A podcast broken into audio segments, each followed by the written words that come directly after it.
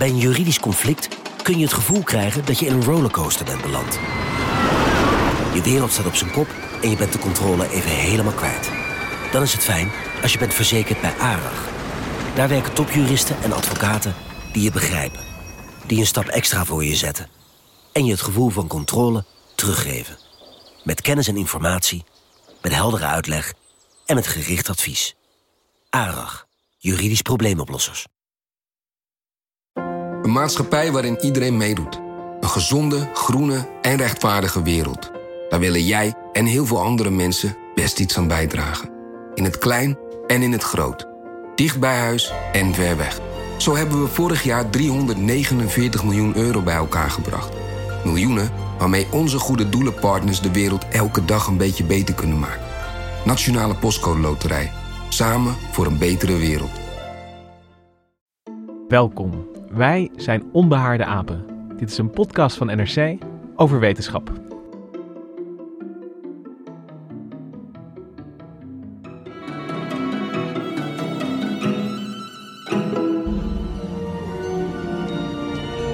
I think you ought to know I'm feeling very depressed. Well, we have something that should take your mind off things. It won't work. I have an exceptionally large mind. Yeah, we know, but um, we need you to go down to the number two entry bay and pick up our stowaways and bring them up here. Just that. I won't enjoy it. Yeah, well, that's life. Life. Don't talk to me about life. Ja, je hoorde hier de depressieve robot Marvin uit A Hitchhiker's Guide to the Galaxy. eh, ingesproken door de onafvolgbare Alan Rickman. Marvin is zo depressief, want hij heeft the brain, a brain the size of a planet. En dat, eh, eh, ja, er is nooit genoeg wat zijn eh, ja, geest bezig kan houden. Dus hij is eigenlijk altijd depressief. Een soort eh Ior, maar dan als robot. Denk ik altijd maar. Alan Rickman, we missen hem nog steeds. Hij is eh, overleden vier dagen na David Bowie. En eh, het is echt zo dramatisch dat er nooit meer een nieuwe film met Alan Rickman komt. Ik vind dat echt wel jammer. Ja, dat is heel jammer. En nou ja, dit fragment begon met I am so depressed. Want we gaan het vandaag in Onbehaarde Apen hebben over depressies. En daarvoor zitten aan tafel wetenschapsjournalist Nicky Korteweg. Hallo. Hoi Nicky. En eh, psychologieredacteur Ellen de Bruin. Ja, hallo. Ja, welkom allebei. Eh, mijn naam is Lucas Brouwers. Ehm, depressie. 800.000 mensen in Nederland die lijden aan een stemmingstoornis. En 1 op de 5 volwassen Nederlanders krijgen ooit een depressie. En toen ik dat zag, ehm, nou ja, ik, ik, ik weet dat depressie voorkomt en dat het veel voorkomt. Maar 1 op de 5, dat, eh, dat vond ik toch wel fors. En ik, ik, ik vroeg me af, is dat, hoe, hoe weten we dat het 1 op de 5, dat dat ooit, eh, ja, dat dat 1 op de 5 Nederlanders daar last van krijgt? Is dat, is, is dat veel vergeleken met andere eh ja, is dat veel? Het is, eh, in vergelijking met de andere westerse landen is het eh, ongeveer evenveel. In Amerika is het wel wat meer. In Amerika zijn bijvoorbeeld in een gemiddeld jaar evenveel eh, mensen depressief als er in Nederland wonen. Dus meer dan 16 miljoen. Ehm, en daar is de, de, de prevalentie ook iets hoger. Maar ja, als je kijkt naar eh, eh, depressie, het is nu, stond laatst in een overzichtsartikel, the leading cause of disability worldwide. Dus eh, mensen die ziek zijn en daardoor moeite hebben met dagelijks functioneren. In de, in, bovenaan dat lijstje staat dan depressie van Ja. veroorzakers. Als je, als je echt depressief bent, dan, dan en het is misschien goed om een soort definitie te geven, dan heb je echt nergens zin in. Je bent nergens toe te zetten. En, en het is ook alsof, alsof er een soort waas over je heen ligt, stel ik het me dan voor. Maar ik, ik, ik weet niet of dat een, een goede voorstelling is.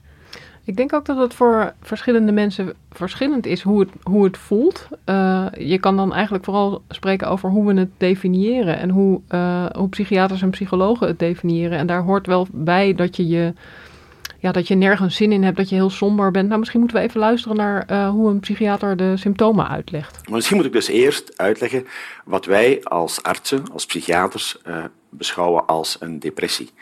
Daar hebben wij criteria voor. Eh, criteria, ehm, klassiek zeggen we, je moet vijf van negen belangrijke symptomen hebben gedurende een bepaalde periode. We spreken meestal van een paar weken, maar bij de meeste mensen die komen raadplegen is dat een aantal maanden.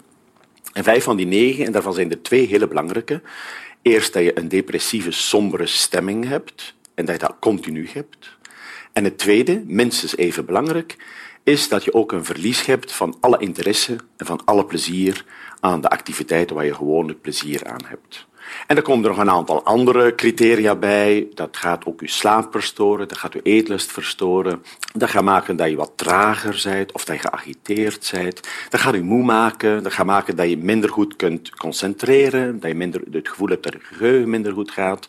Schuldgevoelens, zich waardeloos voelen, dat hoort er vaak ook bij. En bij een aantal mensen zijn er ook zwarte gedachten, suïcidale gedachten. Dus als je vijf van de negen hebt die ik nu verteld heb, ja, dan is het wat wij beschouwen als een depressie en dan is het ook maar best van dat te behandelen. Ja, we hoorden hier professor Koen uh, Dimitrinaren van uh, de Universiteit van Leuven, uh, in een fragment uit van de Universiteit van Vlaanderen. En hij legt hier eigenlijk uit van, van die hele wolk van, van gevoelens, van somberheid en, en neerslachtigheid. Um, die zijn teruggebracht tot een, een lijst van negen, als ik hem goed begrijp. Ja, negen symptomen. En ik heb hier de uh, DSM-5 vormen op tafel liggen. Dat is het handboek voor de klassificatie van psychische stoornissen. Nou, dat is een boek van zo'n 10 centimeter dik, als ik het even inschat. Dit is wat ze volgens mij noemen als, als ze het over een dikke pil hebben, dan is dit... Dit is echt een dikke pil. Dit is echt uh, een, een flinke baksteen. En uh, ongeveer 80 van de 1200 pagina's gaan over stemmingstoornissen en hoe je die kunt onderscheiden van elkaar. Dus hoe je bipolaire stoornis en depressie en allerlei verschillende soorten depressie kunt onderscheiden. Het, het, viel me op dat de Belgische professor die zei één ding net iets anders dan in de DSM staat. Uh, hij zei je moet een sombere stemming hebben en verminderde uh, interesse. En volgens de DSM is het of-of, maar je moet wel in totaal minstens vijf van die negen symptomen hebben. En dan moeten die symptomen ook nog significante lijdensdruk veroorzaken. Of beperkingen in het sociale of beroep, beroepsmatig functioneren. Dus je kunt niet goed meer functioneren. Je bent echt niet jezelf. Je, je lijdt er heel erg onder. En staat er ook nog bij. Uh, het komt niet omdat je op een andere manier ziek bent. Of omdat je bijvoorbeeld medicijnen slikt die dat veroorzaken. Want dan valt het weer onder een ander soort depressieve stoornis. Namelijk depressieve stoornis veroorzaakt door medicijnen. Nou, zo, zo is, het, is er een hele definitiekwestie kwestie rondom wat voor depressie je precies kunt hebben. En, en snap ik het dan goed? Want als ik, als ik denk, ja, sterke lijdensdruk, dat, dat is natuurlijk altijd een, voor een deel subjectief. Maar met, met dit soort... Dat is totaal subjectief, ja. denk ik, ja. En, en, maar met, met dit soort, uh, die, die hele DSM is er natuurlijk voor gemaakt om daar een beetje een grip op te krijgen, kan ik me voorstellen. Ja, dat je, zeker. Uh, dat, dat, je, dat je ook negen symptomen hebt en, en dat je ze niet allemaal hoeft te hebben. Weet je, zoals je, kijk, als je, als je griep hebt, dan, dan kijk je naar, naar koorts en, en, en zweten. Weet je, dan heb je ook een, een lijst van, van symptomen. Maar dat, dat is bij, uh, bij psychische aandoeningen, is, is dat voor mijn gevoel altijd. Ja, dat, dat het zo. niet meetbaar natuurlijk. Ja. Ja, koorts kan je meten. Ja, dus, dus, dus hoe werkt dit? Is, is het, wordt dit, um, zit je bij een, een psycholoog of psychiater en, en ga je dan in gesprek en, en uh, gaat, de, uh, uh, gaat de psycholoog dat dan proberen te vertalen in, in die DSM-termen? Ja, in feite is dat wel wat er gebeurt. Dus artsen, psychologen vragen je uit. Die vragen waar je allemaal last van hebt. soms laten ze je ook gewoon een vragenlijstje invullen van heeft u dit gehad de afgelopen weken? Um, nou ja, als je dan uh, bijvoorbeeld dat, dat laatste punt, wat de, wat de Belgische psychiater zwarte gedachten noemt, uh, en wat de DSM noemt recidiverende gedachten aan de dood. Als je daar last van hebt, dan, is dat, dan gaan meteen alle alarmbellen af uh, natuurlijk. Um, en op basis van hoe je daar dan de antwoorden op geeft, kijken de artsen, is dit een depressie of niet? Ja. En kunnen we iets zeggen over, want ik, ik, ik zei net, um, um, 1 op de 5 Nederlanders krijgt ooit die diagnose. Um, weten we wat voor soort uh, mensen dat zijn? En, en kunnen we iets zeggen over waarom ze een, een, een depressie krijgen? Ja, uh, wat voor soort mensen? Het begint meestal uh, als je in de tienerleeftijd komt of als je in de twintigersleeftijd komt. En het kan heel vaak een, een, het, het, kan een ziekte zijn die in episodes komt, dus die terug, terugkeert. Um, er was een Nederlands onderzoek uit 2012 waaruit bleek dat ja, bij een, een, ik geloof 17% van de mensen uh, was de depressie na ruim drie jaar nog steeds aanwezig. En dan bij uh, 43% was hij overgegaan. En de rest, wat ongeveer 40% is, of misschien wel precies 40%, de rest had het als episodes. Dus dan kwam het er gewoon af en toe terug. En dat is dan eigenlijk het verloop van de ziekte. Dus je, als je één keer een depressie hebt gehad, dan is dat ook een grote risicofactor voor dat je nog een keer een depressie krijgt. Dan moet je daar waakzaam voor zijn. Dan moet je ja. daar, en, en, en... en er zijn ook andere risicofactoren. Uh, vrouwen krijgen bijvoorbeeld twee keer zo vaak een depressie uh, als mannen. Um, als je andere ziektes hebt, als je bijvoorbeeld andere eh, mentale stoornissen hebt, psychische stoornissen, dan loop je een groter risico. Als je verslavingsgevoelig bent, loop je een groter risico. Als depressie in je familie zit, als je werkloos bent, nou ja, je kunt het, ja, als je een geschiedenis hebt van huis, hu huiselijk geweld, dat zijn allemaal risicofactoren voor uh, depressie. En, en, als ik dat zo hoor, dan klinkt het als een, een soort mix van uh, ja, dingen die je kunnen overkomen. Weet je wel, van, van huiselijk geweld, dat is een situatie waar je in terecht komt op een of andere manier. Maar je zegt ook van als het in de familie zit, dus er, er zit ook wel ja, een, een, een gedeelte, een, een, erfelijke component in. Ja, er is een erfelijke component en die werd dan volgens dit artikel, een overzichtsartikel in de BMJ geschat op 37 procent. Maar nou ja, jij weet beter wat dat dan betekent uh, ja, dan ik. Ja, ik, ik heb daar ooit heel erg in verdiept. Want ik, ik dacht, ik wil het, wat, wat zegt dat nou dat iets voor x procent erfelijk is? Dus uh, dat, daar heb ik een keertje mezelf ingestort. En wat, wat goed is om te, uh, erbij te zeggen, is dat het niet gaat over dat het dan voor 40 procent aan je genen te wijten is als je een depressie krijgt. Maar dat als je gaat kijken tussen welke mensen wel en welke mensen niet een depressie krijgen, die, die variantie daarin, daar, daar zegt dit getal erover. Dus je kunt 40% van de verschillen tussen mensen, dus, dus en in dit geval of ze depressief worden of niet, toeschrijven aan genen. Maar dat is, het, is een beetje, het is een beetje een technische term. En, en vaak wordt die een beetje, uh, ja, wordt gewoon gezegd van oké, dus het zit voor 40% in je genen en 60% voor je omgeving. Maar dat is het dus in ieder geval niet. Nee, want ik herinner me ook wel eens dat jij gezegd hebt dat het hebben van twee ogen, dat dat nul, voor 0% erfelijk is. Ja, ja dus, dit is, dit is een, uh, dus het maakt het heel erg duidelijk wat voor moeilijke term het eigenlijk is. Want als je uh, nadenkt van, ja, ja, we hebben allemaal twee ogen. Er zijn ook mensen met één oog. Uh, maar kun je die verschillen tussen één en twee oog, uh, of, of mensen één of twee ogen hebben, kun je dat nou toeschrijven aan genen? Nee, dat schrijf je, die mensen hebben misschien een ongeluk gehad. Of, of die, hebben, ja, die zijn soldaten en, en, die, die, die, hebben een oog verloren om, om een vervelende reden. Maar dat zijn allemaal omgevingsfactoren. Dus de erfelijkheid van ogen, als je er op deze manier naar gaat kijken, is dan 0%. En, en omgevingsfactoren verklaren alles of mensen twee of één oog hebben.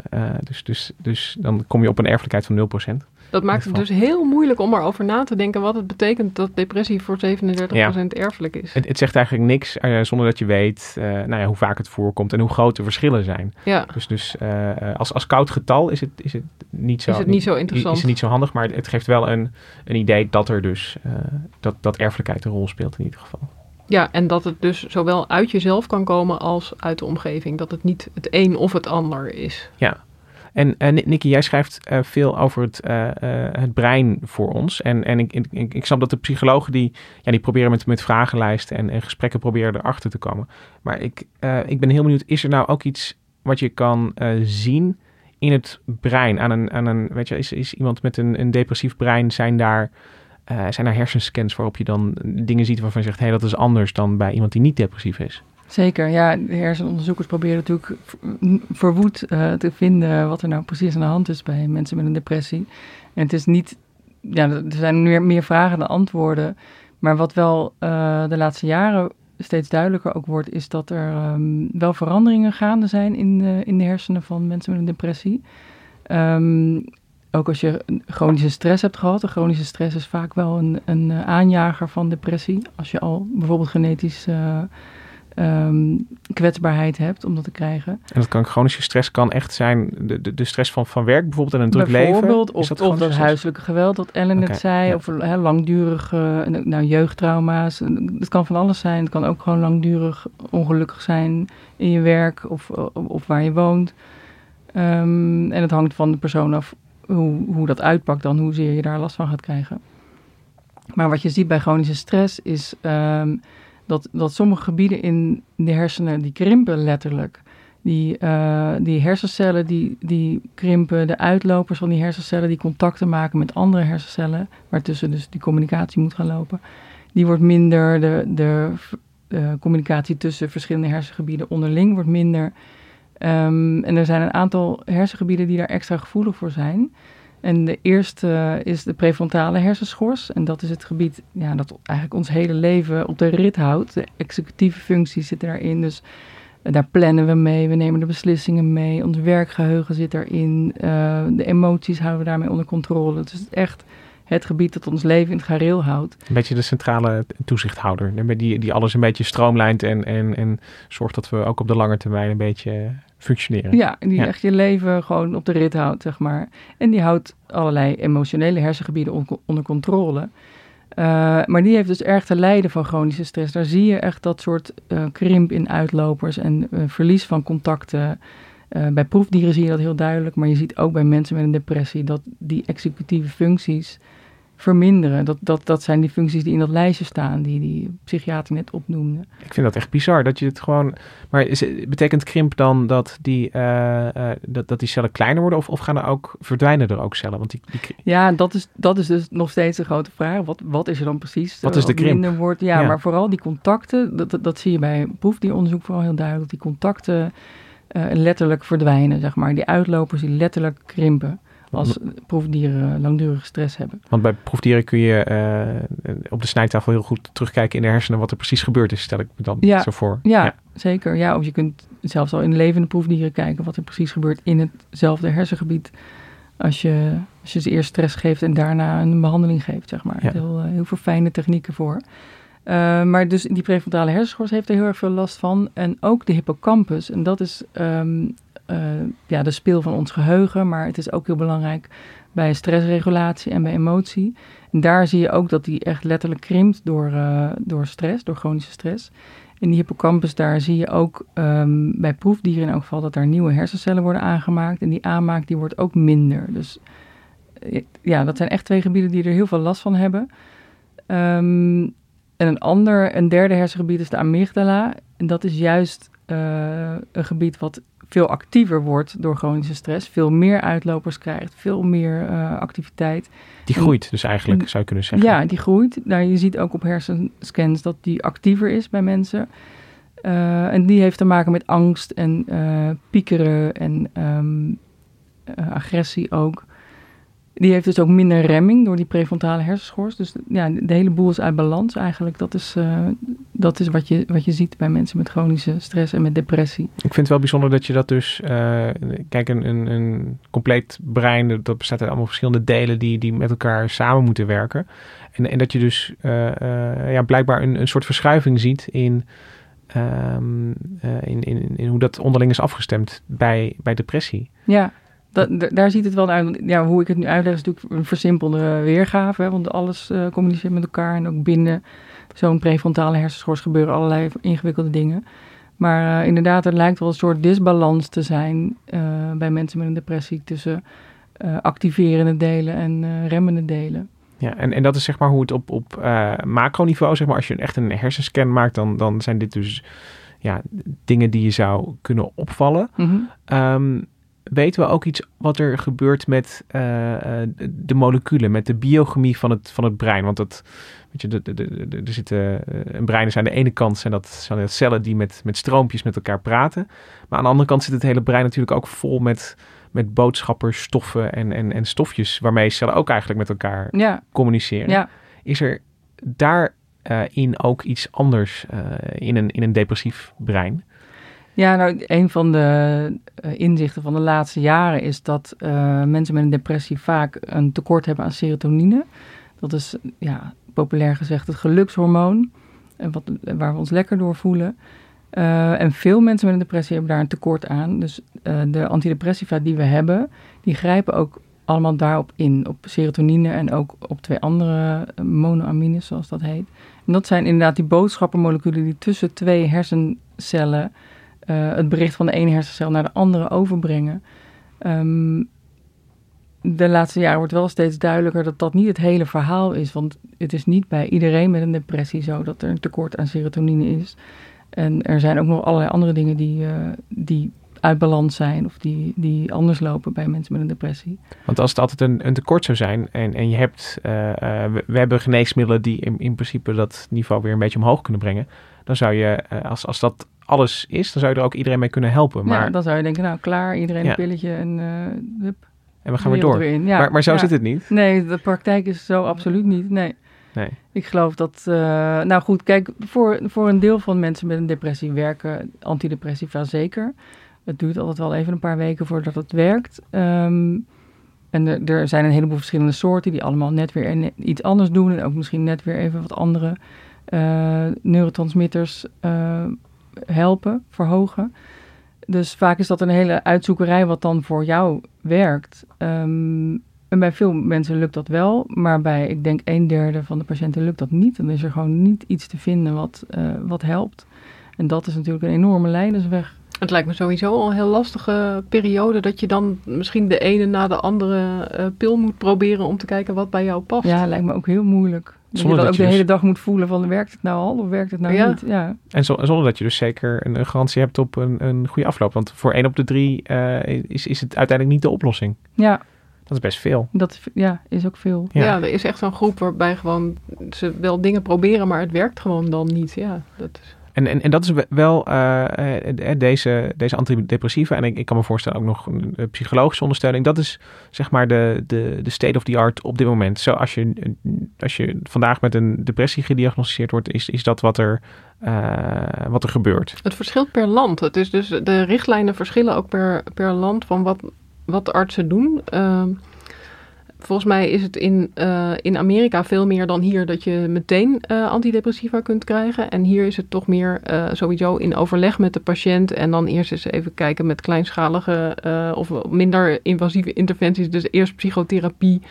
Misschien eerst een beetje coaching. Als dat niet helpt, intensievere therapie. En als dat dan niet helpt, antidepressiva. En ik geloof dan ook als je depressie erger is, dat je dan wel sneller aan de antidepressiva kan. Ja, dat heb ik ook begrepen van een psychiater die ik sprak. Ja, dus we beginnen meestal met psychotherapie of met runningtherapie of mindfulness. En soms in combinatie met een uh, serotonine heropnameremmer. Dus dat is de dat eerste, zijn die pillen. Die, eerste ja. keuze uh, antidepressivum, zeg maar. En als dat dan niet werkt, ga je naar uh, tricyclische antidepressiva. En dan heb je lithium en dan heb je MAO-remmers. En daarna komt pas echt het grove geschut. Want dit, dit is allemaal nog geen... Wat, wat versta je dan onder grof geschut? Nou, elektroshocks. Oké. Okay. Bijvoorbeeld. Ja, want dat is, uh, dat is wel goed om even te zeggen. Dat is een van de redenen waarom we je natuurlijk hier hebben uitgenodigd. Dus omdat je ja, de afgelopen weken... Um, nou ja, het, het, lijkt wel alsof er iets in, in de lucht hangt. Want je afgelopen week heb je verschillende verhalen voor uh, NRC geschreven over... Ja, uh, een combinatie van nieuwe en oude therapieën die allemaal op een net andere manier werken dan uh, de antidepressiva die we kennen. En uh, ja, sommige daarvan zijn, zijn best onverwacht. En je noemde net al even de elektroshocks. Maar, maar kun je eerst nog even iets zeggen over. Um, hè, want, want, want we hebben die antidepressiva, we hebben psychotherapie. Um, maar blijkbaar wordt er dus nog steeds gezocht naar, um, uh, naar, naar nieuwe manieren om depressie te behandelen. Want, want anders komen die, ja, ja, die ja zeker niet. omdat er zo'n toch vrij grote groep is die, die hardnekkige depressie heeft, die niet wil oplossen. En dat is, ja, dat is natuurlijk om wanhopig van te worden in zichzelf al. Um, ja, en daar staan psychiaters toch wel met lege handen. En daarom grijpen ze alles aan wat maar mogelijk is om, uh, als er iets op, op lijkt dat er iets uh, te gebruiken is voor mensen met een depressie, dan zullen ze dat zeker uh, uitzoeken of dat echt werkt en inzetten. Ja, en je noemde. Dat het is echt ja, een verschrikkelijke ziekte om te hebben. Ja, en, en dus, dus logisch dat er naar, naar nieuwe uh, ja, uh, behandel, behandelmogelijkheden wordt gezocht. Maar als het gaat over nieuwe behandelmogelijkheden en jij zegt elektroshocks, dan denk, denk ik van hé, hey, wacht eens even. De, de elektroshock, dat, dat is voor mijn gevoel iets, iets uit een ver verleden wat, wat we niet meer doen omdat het, omdat het zo gruwelijk is. Maar dat is... Ja, dat, dat dacht ik dus ook. Maar want we kennen natuurlijk allemaal de One Flew over de koekoesnest uh, scène. Waarbij uh, gewoon iemand zonder verdoving elektroshocks krijgt. Jack Nicholson als acteur. Ja, en zonder toestemming ook. ook, zonder, ook ja, komt u maar even mee. Ja. Zo gaat het niet meer. Ik dacht inderdaad ook dat dat niet meer gedaan werd. Maar het wordt wel gedaan, maar natuurlijk wel op een, op een heel andere manier. Uh, want iemand gaat dan gewoon onder narcose en hij krijgt spierverslappers. En maar uiteindelijk ja, worden de, de hersenen gewoon een soort gereset, zeg maar, met elektrische stroom. Ja, dus, dus uh, hoe het nu wordt gedaan is, is dat je dus eerst echt een, een, een verdoving krijgt. Je, ja, je, je bent onder narcose. Ja, je bent ja. dus eigenlijk al, al, uh, al onder zeil voordat je de elektroshocks komen. Ja, dus je merkt het niet. En, en, en, en, en die spierverslappers, die, die dienen er ook voor dat je niet zo hevig gaat schudden, kan ik me wel voorstellen. Ja, want wat je eigenlijk doet met de elektroshock is je, je wekt een epileptische aanval op. Nou, de meeste mensen kennen dat wel. Als je, dan, als je een epileptische aanval krijgt, dan, dan verkrampen al je spieren. Um, dus daarom geven ze spierverslappers, zodat, dat, zodat niet je hele lichaam helemaal verstijfd is. Behalve in één arm, want ze moeten wel zien dat het uh, werkt, de shock. En, um, dus dan schudt één arm eigenlijk? Of ja, één arm staat dan helemaal zo uh, gespannen. En dat moet dan 20 seconden moet die elektroshock duren en dan kan je ophouden. Dat lijkt me ook heel eng om te dus zien als je één arm zo af, behandelt. Ja, en ze binnen één arm af, zodat daar dan niet de spierverslapper in komt. En dan, daar kun je dat dan aan zien. En uh, jij hebt uh, met, uh, ja, voor een van die stukken die ik net noemde, heb jij gesproken met Iris Sommer, die hier in Nederland onderzoek doet eigenlijk aan ja, deze therapie. En of en zo ja, hoe die dan zou werken. Ik heb zelf vaak EVT gegeven als psychiater. En het is best wel een indrukwekkende behandeling. Toch geen kattenpis. Iemand moet twee keer per week onder volle narcose, krijgt een infuus, ja, wordt helemaal weggemaakt, mm -hmm. spierontspanner. En dan, dan stuur je stroom door iemands hoofd. Ik weet nog dat ik vaak op dat knopje drukte om die stroom aan te zetten. En dan denk je, jeetje, ja, ik weet dat ze ervan opknappen, maar het is toch wel iets stroom door de hersenen. Dat klinkt niet alsof het goed is voor de hersenen. Het is het dus wel. Ja, ze beschrijft het hier, ja, ook dat, dat zij als behandelaar vindt dit ook uh, heftig, wat, ja. wat, wat, wat, ze doet. Ja, en dat, dat ben ik eigenlijk wel blij omdat dat zo is. Want ja, het lijkt me inderdaad voor de patiënt, niet alleen voor de patiënt eng, maar ja, je zal maar op dat knopje moeten drukken. En, en als ik haar, haar goed heb gevolgd, um, uh, wisten ze wel dat dit soms uitkomst biedt voor, uh, voor zware gevallen, denk ik dan, als je al, al een heel pad achter de rug hebt. Ja. Uh, Zij vertelde echt dat voor die 30% mensen waarbij niks meer werkt en alles al geprobeerd is, daar adviseren ze dan dit soms. En zij zei dat, dat 7 van de 10 mensen er echt van opknapt. Dat ze echt ook heel blij zijn dat ze het gedaan hebben. Maar, maar dus ook weer drie niet. Dus dan heb je twaalf elektroshocks gehad, twee keer per week. Onder narcose en alles. En dan werkt het niet. Dus ja, ook daar zitten dan weer nadelen aan. Maar het is dus wel een heel krachtige uh, techniek. En, 70% knapt op. En een, een krachtige techniek. Maar tot voor kort was niet duidelijk waarom. Nee, dat, nee, dat is, uh, ja, vond ik ook heel uh, opvallend ook, eigenlijk. Ja, dat ze daar wel aan beginnen zonder dat ze weten hoe het werkt. Ja, nou ja, omdat het van oudsher, ja. ja maar, Zoals waarschijnlijk de meeste medicijnen. Ja, dat, dat zie je wel veel inderdaad. Juist bij dit soort ziektes, ja, waar mensen zo wanhopig zijn, dan proberen ze maar wat. En nou ja, dit, dit wordt al vijf, 75 jaar gebruikt, deze techniek.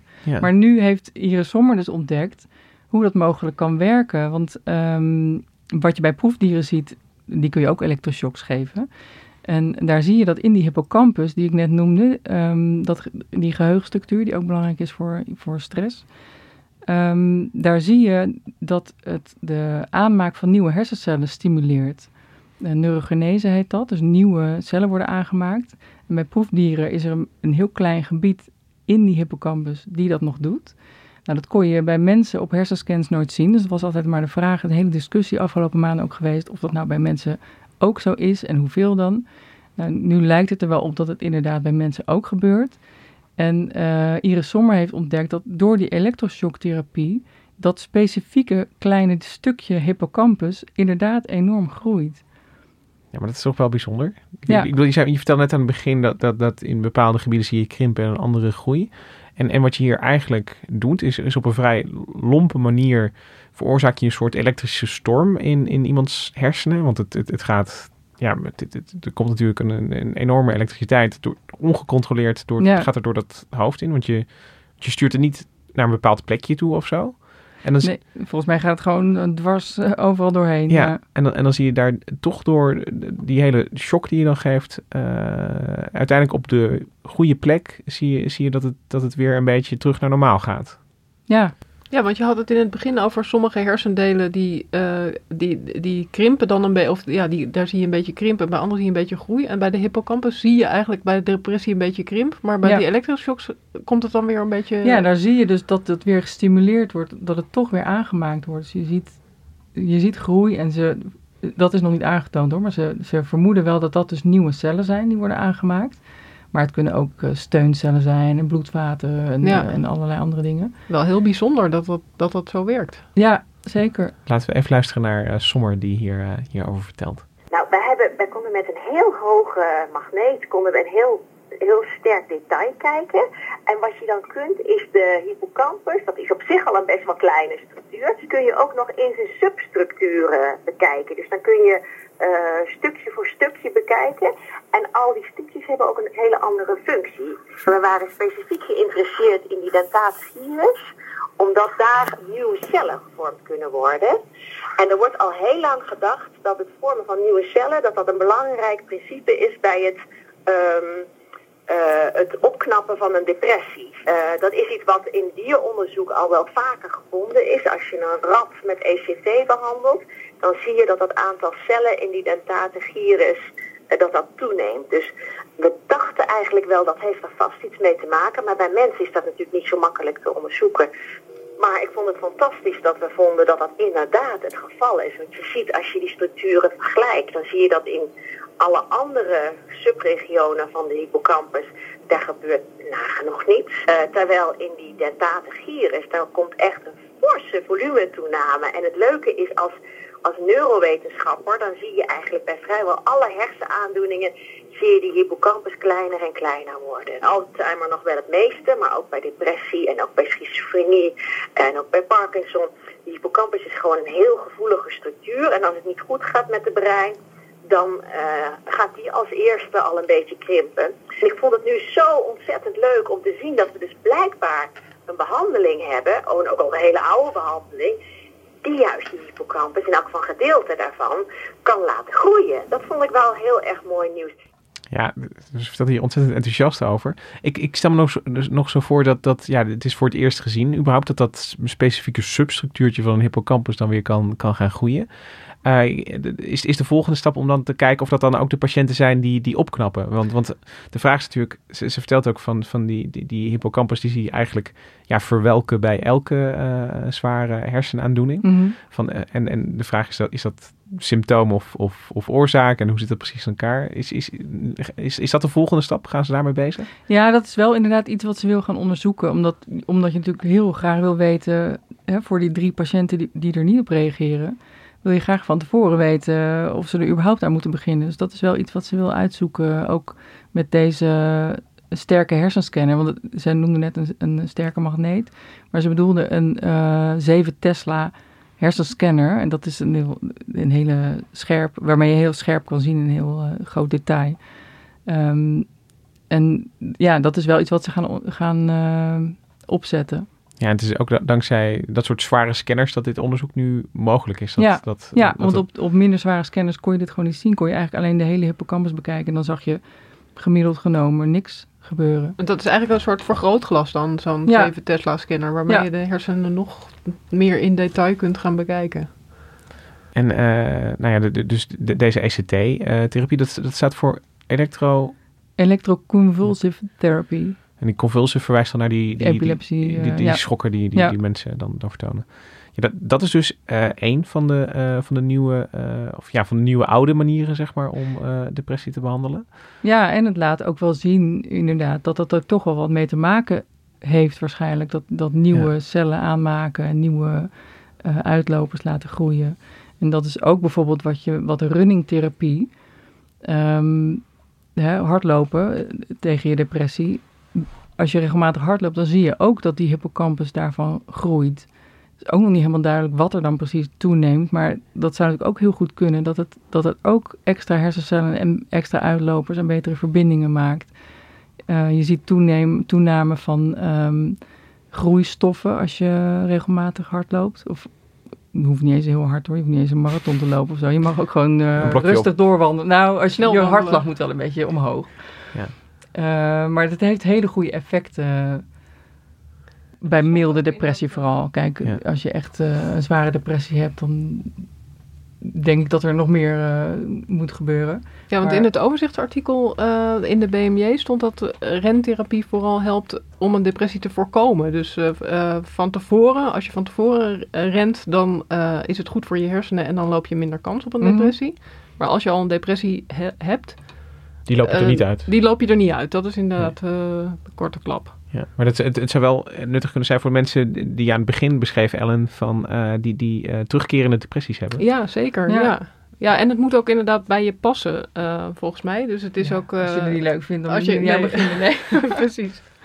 Maar ja, dan, hè, misschien zijn er andere dingen wel leuk. Als je wil boksen of dansen of iets. eh, ja, maar beweging bewegen. is sowieso heel erg goed voor Ja. de hersenen. Dat zie je ook bij meer eh, eh, psychische eh, aandoeningen. Ja. Nou, in dat licht vond ik het ook wel interessant, want dat zie je bij die elektroshocks ook. Dat vertelde Iris Sommer. Dat ehm, na die elektroshocktherapie moet je wel nog een aanvullende behandeling geven. Want anders is na drie maanden het hele effect weer weg. En dat past heel mooi bij wat, wat we zien in proefdieronderzoek. Als daar, ehm, die ma- proefdieren maken 5000 nieuwe hersencellen per dag aan in die hippocampus. En dan hebben we het over muizen of ratten Ja. of zo. Ja. En ehm, die moeten ze wel gebruiken. Dus dan moeten ze iets leren. Eh, en die, die hersencellen dus in een soort circuit inbouwen. Want anders worden die hersencellen gewoon afgebroken. En wat leren ze dan? Nou ja, een of ander... eh, een doolhofje of, ja, een- of een... ja. ja. Wat muizen zo al kunnen leren. Wat ratten en muizen zo leren op een dag, ja. En bij mensen? Hoe Maar zit dat- dat bij mensen? Nou ja, ik vond het dus intrigerend dat ze dat vertelden. Dat je, dus, dat je na die elektroshocktherapie wel ehm, ja, psychotherapie moet geven. Of runningtherapie of mindfulness of iets. Gewoon wel ehm, dat mensen ermee verder gaan, zeg maar. Want anders is het weer weg. Dus dat suggereert, dat is nu nog allemaal niet aangetoond. Maar dat suggereert wel dat, ehm, dat het ook bij mensen zo is. Dat je die, die cellen dus uiteindelijk in een soort circuitje moet inbouwen. eh, Dat het dus weer om die contacten gaat, waar jij het in het begin Ja, al over ja, had. Ja. ja. Ja. mindfulness, daar hebben we het inderdaad ook al niet over gehad. Maar dat is ook een van die therapieën waarvan is aangetoond dat het helpt om een terugval te voorkomen. En niet per se om een depressie te genezen. Nee, het is meer een kan me ondersteunende voorstellen. Ja, therapie. ja. Op dezelfde manier als het hardlopen een beetje. Ja, eigenlijk wel, ja, ja. Dus eigenlijk kun je gaan rennen of je kunt gaan zitten. Dat is, Nou, liefst allebei, denk ik. Ja, precies, ja. Ja, ik En- denk dat het vooral in een... Ja, dat je op zoveel mogelijk vlakken moet proberen om de boel eh Onder weer in controle balans te te, houden, krijgen. ja. Om eh, eventjes de, de hersenen eh, eh, een beetje achter ons te laten. Een, een heel andere ehm, ja, behandelstrategie. Die richt zich op de darmen en wat daarin leeft. En dat vond ik ook wel een, een verbazingwekkend verhaal, Nicky. Jij schreef een paar weken geleden al over een Vlaams onderzoek eh, bij eh, depressieve mensen. En, dan specifiek naar bacteriën die leven in de darmen. En daar kwamen ook opvallende dingen uit. En we kunnen even luisteren naar eh, Jeroen Raas, die aan de VRT over zijn onderzoek vertelt. Toponderzoek begint soms een klein beetje onsmakelijk. Via het Vlaams Darmflora-project hebben de wetenschappers toegangstalen van duizenden vrijwilligers verzameld.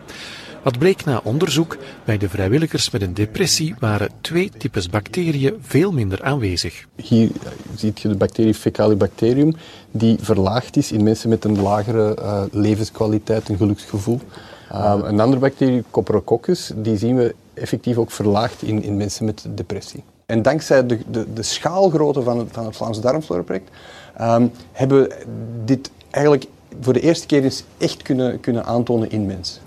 De bacteriën die ontbreken produceren normaal stoffen die helpen tegen ontstekingen. En dat is geen toeval dat die nu tekort zijn. Wat er interessant is aan die bacteriën is dat het eigenlijk alle twee ontstekingsonderdrukkende bacteriën zijn. En we weten uit ander onderzoek dat depressie gelinkt kan zijn aan de ontsteking van de hersenen of van onze zenuwen. En de theorie is dan dat eigenlijk de ontsteking in de darm gelinkt kan zijn aan de ontsteking uh, van ons zenuwstelsel. Wat nu oorzaak is en wat gevolg, dat moet nog verder onderzocht worden. Ja, dat is vaker het geval in de wetenschap. Ja. maar eh, om even hierbij, dit, dit, dit is eh, best wel bijzonder. Ze gaan gewoon kijken naar wat, wat voor bacteriën vinden we terug in, in poep eigenlijk. Ja. En daarin vinden ze al een verschil tussen mensen die depressief zijn en mensen die niet depressief zijn. Bepaalde bacteriën die, die er dan meer of minder in zitten. Ja, dat Hoe- was echt een, een grote studie eigenlijk voor het eerst. Dat microbioom, zoals dat heet. Het zijn alle bacteriën, virussen en schimmels die in onze buik wonen. Dat wordt wel eens het tweede brein genoemd bijna. Omdat eh, steeds duidelijker wordt dat dat invloed kan hebben op eh, onze hersenen. Eh, er zijn heel veel onderzoeken al naar gedaan. En, heel veel mensen lopen er al mee weg. Maar het is eigenlijk nog allemaal heel onduidelijk in hoeverre dat nou een relatie heeft. En in hoeverre je daar iets mee kunt. En deze Belgische studie is eigenlijk de eerste echt heel grote studie die laat zien dat er twee uh, bacteriestammen ontbreken bij mensen met een depressie in de darm, vergeleken bij mensen die, die geen depressie hebben. Dat Ja. is wel bijzonder. En hoe zouden je bacteriën invloed kunnen hebben op je hersenen? Ja, dat is een hele goede vraag, eh, waar ze dus nog niet uh, achter zijn. Um, het zou kunnen die bacteriën die maken boterzuur. Uh, en boterzuur dat helpt tegen ontstekingen. Um, dus als je die bacterie niet hebt, dan zou het kunnen dat je darmen misschien meer ontstoken zijn. Dat zijn de goede bacteriën die dat boterzuur maken. Dus ja. de, en, dat, en die zijn dan meer aanwezig bij mensen zonder depressie. Mensen zonder depressie ja. hebben die bacteriën niet, dus die missen die goede, dat goede bo boterzuur wat je ontstekingen remt.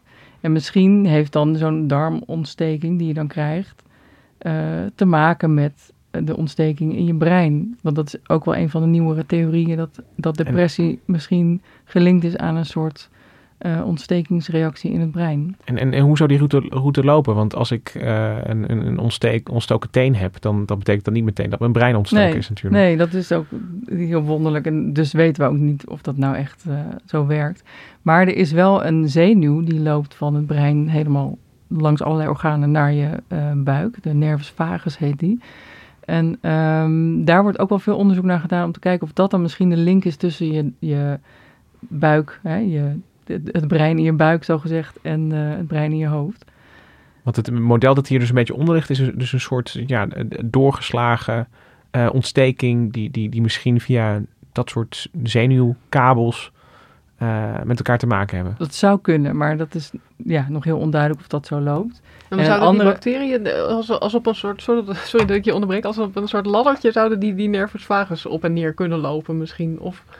Nee, ik denk niet die bacteriën, maar die stof. Dan, oh, die, ontstekingsstoffen. Die ja, zoiets, ja. ja. Ik weet ook niet precies hoe dat zou moeten werken. Ja. Bij proefdieren zie je dat wel hoor. Dat als ze dan proefdieren zonder microbioom, dus zon, die opgegroeid, opgegroeid zijn in een steriele omgeving, die hebben geen bacteriën in hun buik en die zijn heel angstig en nou, laten we maar zeggen depressief. Als je die dan een bepaalde bacteriestam geeft, dan worden ze minder angstig en depressief. Als je dat doet, maar je snijdt eerst die nervus vagus door, dan helpt het niet. Wat interessant. Dus Zo'n grove link is er wel. Maar goed, dat is bij uh, labmuisjes ja. zo. En hoe dat dan met mensen zit. En dan gaan ze dan ook denken aan een soort van... Uh, ja, de, de, je darmen zijn best wel toegankelijk gewoon door, door dingen te eten en te drinken. Dus, dus zou je kunnen voorstellen dat uh, als je dat uh, ziet, dat, dat bij mensen met depressie, dat er bepaalde bacteriën ontbreken, dat je die in een, in een soort nieuw soort yoghurtdrankje stopt en dan als behandeling gaat aanbieden? Ja, dat is natuurlijk wel wat ze nu gaan uitzoeken. En dat is ook wat al aan het gebeuren is. Volgens mij zijn er al allerlei kleine bedrijfjes die dat soort probiotica behandelingen aanbieden. Maar ja, ik zou mijn geld daar nog niet aan uitgeven, eerlijk gezegd, op een paar uitzonderingen na. Andere ziekten. Um, je ziet wel altijd tv-reclames meteen voor je, vind ik. Met, van, van hoe het zou gaan. Ja, ja. ja yoghurtdrankjes tegen Nou, je hebt dus inderdaad, er bestaan al veel probiotica, maar me, de meeste zijn dan melkzuurbacteriën die ze leveren. En dat zijn vaak maar één of twee stammen. Um, en dat zijn niet deze twee stammen die hier missen. Dus dat heeft geen zin als je een depressie hebt, als dit het mechanisme zou zijn. Ja, want, uh, want, maar om, dat is wel wat ze gaan ontwikkelen natuurlijk. Ja. Uh, kijken of ze, een, misschien zelfs wel heel gepersonaliseerd, dat ze echt per persoon kijken naar welke bacteriestammen mis jij. En uh, dan maken ze misschien wel een of andere mix die dan specifiek bij jou zal werken. Dat maar voelt dat heel erg science fiction inderdaad. Dat is wel, nou, en ook heel aards tegelijkertijd. Ja, ja, want ja, ja. je moet er eerst voor naar de wc.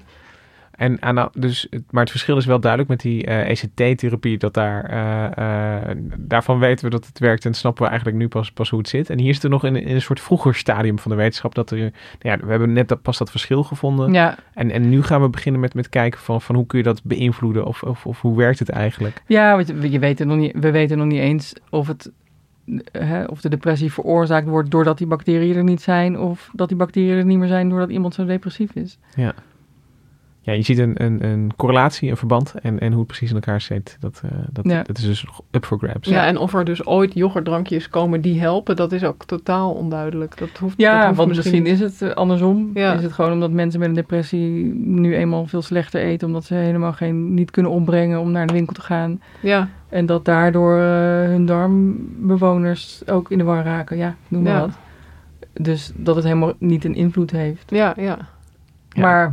Wel heel interessant. ja, Ja, een hele andere eh, vrij experimentele aanpak, waarvan ik even met mijn ogen moest knipperen, eh, is de behandeling met eh, ja, medicijnen slash drugs die we vooral uit het, eh, het, het feestcircuit eh, kennen. Ehm ketamine zit, krijgt veel aandacht van eh, depressieonderzoekers eh, momenteel. En eh, psychiater Damien Denies eh, vertelde daar ook over bij, eh, bij M, over waarom dat zo interessant kan zijn. Het klinkt wel vreemd dat drugs, zoals we ze kennen, voor een festivalletje of een leuke avond, dat je dat gebruikt om je dip uh, of je depressie tegen te Ik vind het niet vreemd, want het zijn gewoon, als je ernaar kijkt, farmacologische moleculen.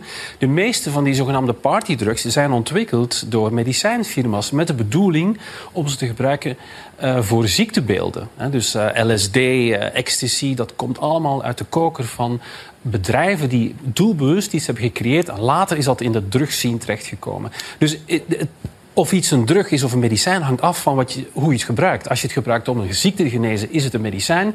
Als je het gebruikt om genot te ervaren, dan is het een drug. Nou ja, dat is een, een mooie definitie van, van drugs en, en medicijnen. Terwijl de stof hetzelfde kan zijn. Um, maar waarom is het nou in het bijzonder ketamine uh, dat nu in de belangstelling staat? Nou, wel meer psychedelica staan in de belangstelling, maar, maar ketamine vooral. En ja, daar, dat is ook um, dat is eigenlijk gewoon een narcosemiddel wat al in de jaren 60 is uh, ontdekt. En het wordt ook nog steeds gebruikt op de ambulance en uh, voor allerlei dingen. Ik heb wel eens gelezen uh, dat het ook als, als dieren narcosemiddel wordt gebruikt. Bijvoorbeeld ja. of voor, het, ja, voor paarden en zo. Echt een paardenmiddel. Ja, een paardenmiddel. Nou ja. ja, maar ook, ja, ook wel op de ambulance nog steeds, ja. heb ik gehoord. En is het dan zo, want ik kan me ook voorstellen bij partydrugs denk ik aan... je voelt je al best wel lekker, want het is weekend... En dan, ik ben zelf geen drugsgebruiker. Ik heb nog nooit iets geslikt of gesnoven of genomen. Dus ik, dit is hoe ik het me dan voorstel. Uh, het is weekend. Je denkt, oh ja, ik ga ook nog dat gebruiken. En dan voel ik me helemaal joepie. En uh, depressieve mensen die voelen zich natuurlijk heel down. En als die dan die drugs gebruiken, dan voelen ze zich een beetje normaler. Dus dat je, dat je stemming gewoon uh, omhoog gaat vanaf waar die was, zeg maar. Is dat wat, hoe ik het me voor moet stellen? Dat weet ik eigenlijk niet. ik weet wel dat die, die, die dosis als partydruk gebruik je best wel hoge doses ketamine. En dan ga je hallucineren en je, ja, je dissocieert van je lichaam. Maar dan voel je dus niet per se heel vrolijk. Niet altijd, nee. Je kunt ook echt wel in een heel nare trip terechtkomen. Je raakt echt een beetje van de wereld. Ja, nou ja, ik heb, ik heb het zelf ook nooit gedaan. Maar uh, ik heb wel gelezen uh, verhalen van mensen die dat gedaan hebben. En vaak bevries je ook, kun je niet meer bewegen. Nou, dat klopt ook, want het is ook een verdovingsmiddel. Uh, maar daardoor krijg je dan het gevoel dat je hele lange armen hebt. Of dat je juist heel klein bent. Een heel vervormd beeld van je eigen lichaam krijg je. En je kunt niet meer bewegen. Je kunt soms ook niet meer praten. Dus dat kan ook heel beangstigend zijn. Klinkt niet meteen als de gedroomde druk voor mensen met een depressie. Als je nee, dit als zo ik dit zo hoor. Nee, nee. Nou ja, sinds een beetje het begin van deze eeuw is, is ineens weer ontdekt dat uh, lage dosis ketamine... dat die echt kunnen helpen tegen depressie. En, uh, en ook echt snel. Binnen twee uur merken mensen al uh, verbetering. Oh, dat, dat, is, echt sneller. veel sneller dan die uh, serotonine. Dan die zes weken wachten ja. tot, het, tot je weet of het werkt. Ja. Dus ja, dat is heel veelbelovend. Zeker weer voor die mensen voor wie niks anders helpt. Ja. Er zijn echt wel veel rapportages, case studies veel en kleine onderzoeken. Dat er, dat er veel mensen opknappen van ketamine. Um, het nadeel is wel dat het ook maar kort werkt. Het is vaak echt wel na een week weer weg. Ik denk dat na een week dat, dat de helft van de mensen die het gebruikt heeft na een week nog een beetje effect heeft. Maar goed, die andere antidepressiva die moet je gewoon elke dag nemen. Dus dan denk ik, als ik hoor van na een week ja. Of, of, is het, uh, moet je het op een ingewikkelde manier nemen of zo? Is het intraveneus met een infuus of is het... Uh, nou ja, daar, daar wordt dus nu allemaal volop mee geëxperimenteerd. En er worden ook al bedrijfjes uit de grond gestampt uh, van uh, anesthesiologen die dat dan erbij gaan doen. Uh, in Amerika vooral zie je dat. Dan kun je daar gewoon voor een paar honderd dollar een infuus krijgen. En, uh, Want het is niet een pil. Je kunt niet zeggen, ik neem een pilletje ketamine. Nou, dat, daar zijn ze onderzoek naar aan het doen. Hier in Nederland wordt onderzoek gedaan naar, naar orale toediening. Dus een okay. drankje dan, druppels. maar er is ook een onderzoek wat met neusspray kijkt of dat werkt. Um, maar ja, er, er moet dus nog heel veel worden uitgezocht. Wat is dan de dosis? En hoe moet je het toedienen? En hoe vaak moet het dan? En hoe lang? En, en uh, wordt, wordt de werking dan minder als je het lang gebruikt? En, en, is er enig idee over hoe het zou werken? Want, want bij die darmbacteriën hebben we dan een soort ontstekingsroute. Maar, maar hebben we een idee wat uh, ketamine dan precies zou doen? Nou, ik, ik uh, zag een paar weken geleden was er een studie in Science. En daar hadden ze muizen chronische stress uh, toegediend. Dat is een model voor depressie. Als je muis heel, heel erg gestrest, dan, dan zie je al die krimp bijvoorbeeld in die prefrontale hersenschors. Um, en bij muizen, die kun je opereren en er dan een, een een dingetje inzetten zodat je hetzelfde hersengebied, dezelfde uitloper van de zenuwcel, die kun je dan blijven bekijken, zeg maar. Dus ehm, ze hebben die muizen eerst uh, stress bezorgd en dan zie je inderdaad dat die uitlopertjes krimpen, dat die weggaan. En daarna hebben ze ketamine gegeven en dan zie je dat die uitlopers op precies dezelfde plek, die groeien weer terug. Dus dat lijkt erop dat ketamine dus die uitgroei uh, van de zenuwcellen ook weer stimuleert. Bij proefdieren, hoe dat bij mensen zit, weet ik natuurlijk niet. Um, ja, dat, dat, zijn dus levende muizen, die, bij wie dan van tevoren iets, iets van wordt geïmplanteerd en dan ja. kun je dat zo volgen. Dan kun je dat blijven volgen. Wat er dan, ja, dat is echt heel ja. uh, verfijnd onderzoek. En, en dit, dit klinkt uh, ja, enigszins vergelijkbaar met wat die ECT precies uh, ongeveer bewerkstelligt. En, en is het dan ook zo dat uh, je met dat ketamine ook nog ermee aan de slag moet. Want je vertelde bij ECT dat, het, dat, dat je dan ook nog mindfulness of, of hardlooptraining of iets anders, dat je nog wel bewust iets moet gaan doen. Is, is, is daar al iets duidelijker over met, met dit soort ketamine-therapieën? Ja, dat zie je wel ook bij andere psychedelica.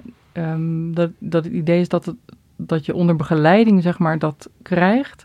En terwijl je die, die trip hebt, onder begeleiding van één of twee psychologen Um, dat dan ook bijvoorbeeld uh, onverwerkte trauma's die je dan lang hebt weggestopt, dat die, dat die weer vrijkomen. Omdat je zo'n psychedelicum, ketamine, die hallucinaties die je krijgt, het, het, zet, het schudt je brein gewoon wat losser. Het maakt de verbindingen allemaal wat uh, soepeler.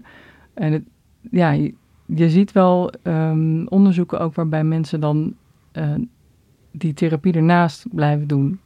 Want, want het, het, klinkt dus, ik, het is niet helemaal onterecht toch dat ik dat een beetje met elkaar vergelijk. Want als je zegt van ja, het schudt het brein door elkaar, dat deed die, die elektroshock deed dat, dat, dat, deed dat ja, ook. Ja.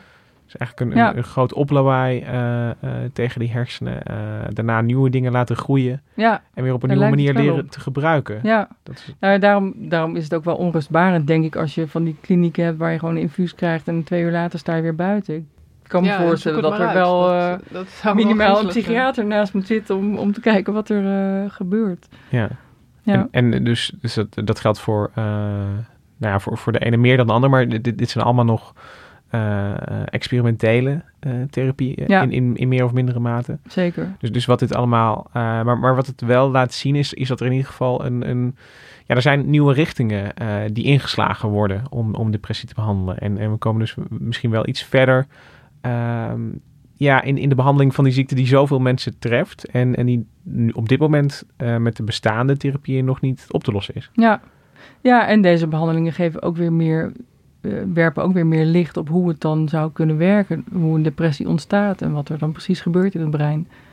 Dat, uh, dat zijn ook fijne hulpmiddelen om dat verder uit te zoeken. Ja, ja, dus we komen toch iets dichterbij dat monster dat depressie heet. Als ik het zo mag samenvatten. Ja, ja, nou, ik denk dat we daarmee aan het einde gekomen zijn van uh, deze aflevering. Nicky Kortweg, uh, heel erg bedankt uh, dat je hier was. Ellen de Bruin ook bedankt.